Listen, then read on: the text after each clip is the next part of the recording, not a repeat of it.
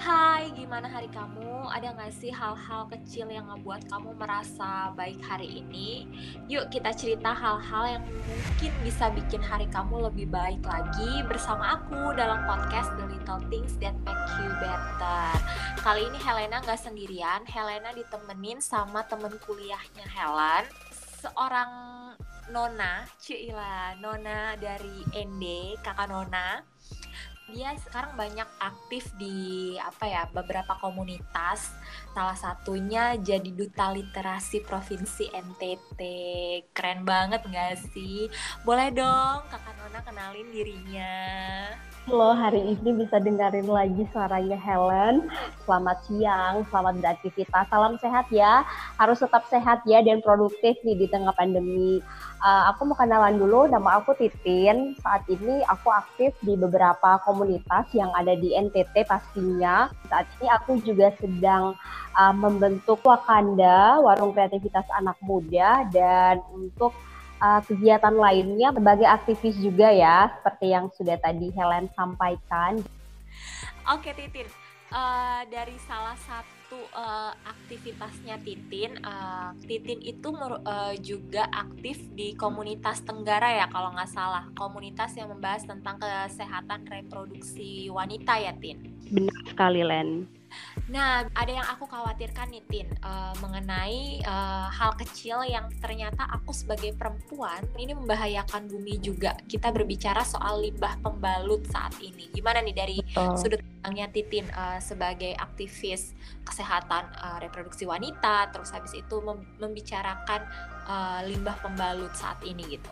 Iya Len, jadi kalau kita berbicara soal kesehatan seksual ya, itu sebenarnya bukan hal yang tabu lagi. Kita berbicara soal menstruasi itu bukan hal yang harus kita malu-malu begitu. Iya. Misalnya, hmm, hmm, kan kadang dulu uh, Len pasti ingat ketika kita misalnya di bangku sekolah, misalnya SMP atau SMA, ketika kita tembus, nah itu kan kita pasti punya perasaan malu kan, aduh kenapa aku tembus? Apalagi ditambah misalnya teman-teman yang uh, suka jail ganggu kan, eh kamu tembus. Sebenarnya itu hal yang uh, menurut saya uh, hal yang biasa ya bukan hal yang tabu. Jadi tidak perlu kita harus malu dan perlu tidak perlu kita harus menertawakan hal tersebut. Kemudian bahwa Helen punya kedilemaan terhadap uh, lingkungan terutama kaitannya dengan uh, pembalut. Teman-teman bayangin deh kalau empat sekali kita mengalami menstruasi itu kan berarti sudah sekitar eh, 4000 lembar ya kita membutuhkan pembalut sekali pakai. Sekitar 20% sampah terutama sampah pembalut ini pasti akan berakhirnya ke TPA nah itu tuh uh, apa ya lama kelamaan tuh pasti akan menghasilkan gas. Apalagi kalau misalnya di dalam pembalut tersebut terdapat bahan-bahan kimia terus bahan-bahan plastik yang sulit terurai itu aduh membahayakan sekali buat lingkungan ya kan balik lagi ke kita membahayakan kita sebagai perempuan gitu ketika kita memakainya uh, iya benar kalau ya seperti yang kita ketahui kan hel terbuat dari bahan-bahan kimiawi kan jadi mm-hmm. beda banget sama kayak pembalut konvensional. Jadi kalau pembalut konvensional yang masih tradisional kan mungkin uh, tidak terbuat dari bahan plastik ya, misalnya dari bahan kain gitu. Mm. Uh, kalau misalnya pembalut pembalut-pembalut saat ini yang beredar di uh, beberapa market yang kita ketahui itu kan berbahan plastik tuh berbahan iya. plastik dan itu tuh ada beberapa zat yang berbahaya sebenarnya kalau misalnya kita berbicara soal zat yang berbahaya itu banyak ya seperti kayak klorin, kemudian ada dioksin, ada pestisida. Nah, itu pasti ada uh, semacam apa ya zat kimia yang berbahaya yang terkandung tadi dalam pembalut sekali pakai. Jadi dulu awalnya ya awalnya hell waktu aku sebelum masuk uh, ke Tenggara, nah itu kan aku hmm? pakai-pakai aja nih pembalut. Ternyata pemilihan pembalut itu harus tepat. Jadi bahan-bahan kimiawi yang terkandung di dalam pembalut sekali pakai itu sangat berbahaya. Jadi mungkin teman-teman harus mereview kembali uh, pembalutnya bila perlu diganti deh. Oke, ternyata bahaya juga ya. Lanjut Len, apa lagi Len? Uh, iya, sangat aku... bahaya, terutama anak remaja. Mulai pilih-pilih pembalut nih.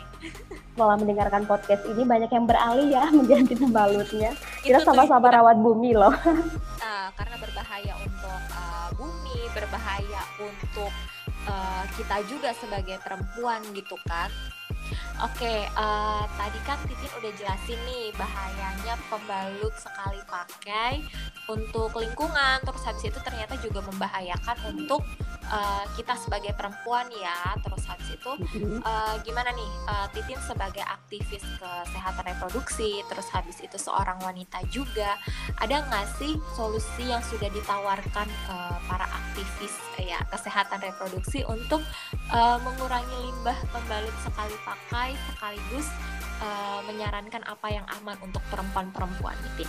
Kita harus mengetahui apa yang sebenarnya bisa kita gunakan untuk menjaga kesehatan seksual kita gitu. Mm-hmm. Jadi seperti yang udah aku jelaskan di awal tadi bahwa kan kalau pembalut sekali pakai uh, pasti akan berakhirnya ke tempat pembuangan sampah terakhir tanpa pengolahan. Jadi itu langsung kayak sampah mentah langsung dibuang seperti itu tanpa ada pengolahan. Kita bisa uh, kembali ke masa lampau. Kenapa saya bilang kembali ke masa lampau? Karena ini adalah salah satu pembalut konvensional yang bisa kita pakai, yaitu pembalut kain len pembalut oh. kain yang mana kita bisa menggunakan yang namanya menstrual pad. Jadi menstrual pad itu uh, pembalut yang mana kita bisa menggunakan dari kain atau handuk handuk yang dilipat-lipat untuk menampung darah menstruasi kita begitu. Memang lipatannya pasti dibuat agak lebih tebal ya, karena ini kan dari kain tuh takutnya bocor lagi atau tembus. Uh, kalau misalnya pembalut plastik itu kan memang sudah didesain dengan sedemikian rupa sehingga anti bocor.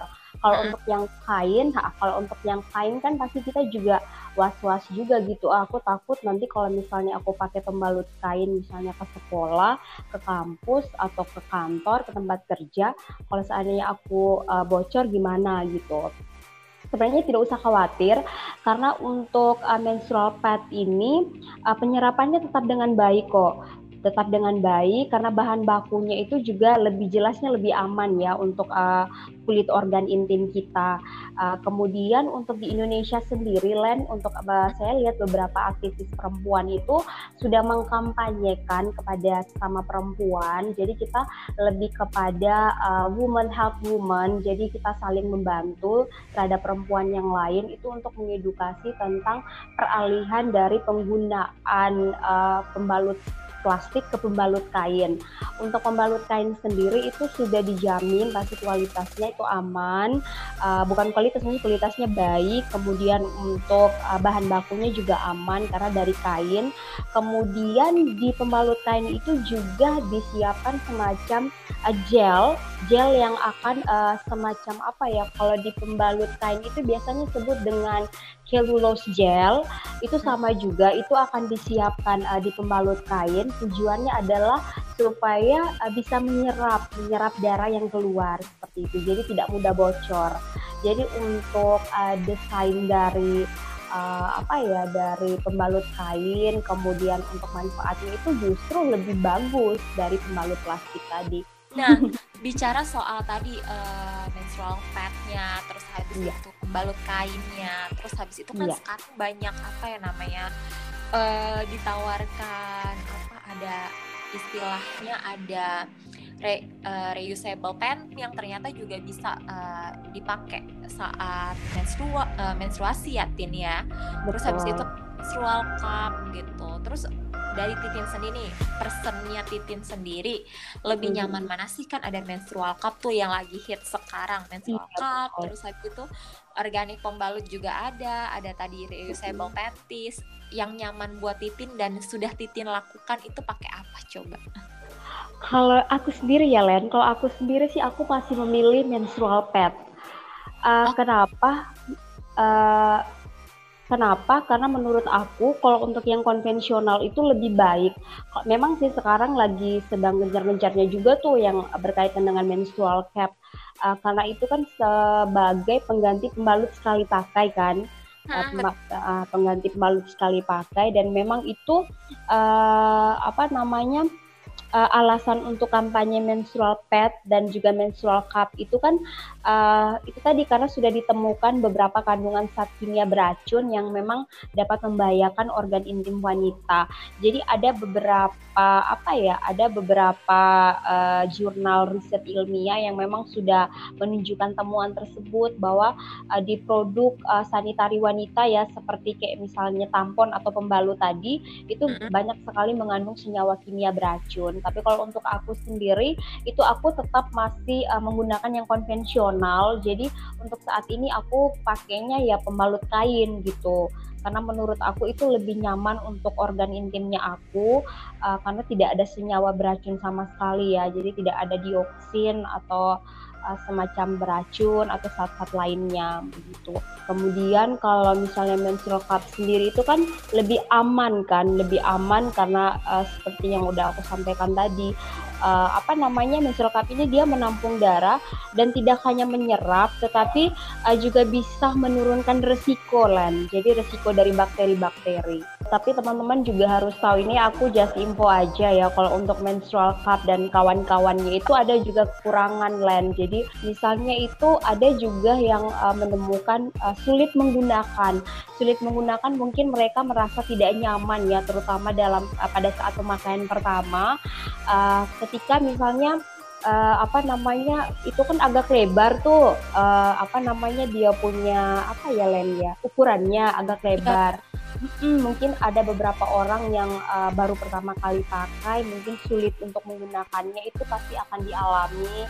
Kemudian kalau menurut aku sih uh, lebih berantakan. Kenapa lebih berantakan? Karena ketika kita mencabut menstrual cupnya itu, mencabut cupnya itu, itu kan bisa membuat darah haid kita bisa apa ya kayak terciprat. Kemudian uh, ini juga uh, solusi buat teman-teman juga kalau misalnya kalian yang pakai menstrual cup, kalian juga harus menemukan ukuran yang cocok. Nah, ukuran yang cocok ini teman-teman uh, ada sih beberapa ukuran kayak misalnya yang regular, kemudian ada yang overnight, ada yang apa lagi ya? Uh, Maxi kalau nggak salah, kemudian ada yang thin atau ultra thin. Jadi teman-teman juga harus tahu. Jadi pembalut itu bukan saja kalian asal comot di market, intinya kalian pakai buat alas uh, alas, tapi enggak ya kita harus mengetahui ukuran yang baik uh, untuk apa namanya uh, organ intim kita. Kemudian kita juga harus tahu itu cocok atau tidak, karena ada yang ketika pakai itu pasti mengalami misalnya ruam-ruam, kemudian mungkin ada gatal-gatal ya. begitu. Ya banyak banget sih ilmu yang aku dapat dari kamu tin hari ini. Hmm, betul. Kemudian oh satu lagi Len, itu harus butuh perawatan yang ekstra. Kalau misalnya teman-teman mau pakai yang menstrual cup dan lain-lain tadi. Karena itu kan kita uh, setelah kita pakai kan kita harus membersihkan kembali tuh. Uh, jadi terus uh, jadi harus benar-benar steril. Mungkin teman-teman bisa uh, rebus air mendidih, baru teman-teman ini deh cuci. Saran aku sih begitu. Air mendidih di, dihangatkan, habis itu baru cuci. Biar uh, apa ya steril gitu. Jadi tetap tetap dijaga vaginanya jadi tidak mengalami gangguan kesehatan di bagian reproduksi gitu. Ya oke okay. tadi berarti ada effort lebih yang harus kita keluarkan nih. Titin, thank you so much for your sharing. Oke, okay, thank you so much juga untuk Helen. Uh, terima kasih karena udah banyak banget ilmu. Kayaknya abis ini bakal bakal apa ya? Aduh, agak-agak pilah sedikit mulai iya. terbiasa kali deh. Betul. Harus bisa milih dan milah. Pilih dan pilah itu perlu. Setuju. Sukses buat Helen dan podcastnya. Eh, jangan berhenti untuk sampai di sini ya Len ya. Aku nunggu podcast-podcast selanjutnya. Tentunya pasti dengan orang-orang hebat. Terima Oke kasih. Oke deh, sama-sama. Iya. Salam sehat Len. Jaga kesehatan ya di sana. Iya siap. Thank you.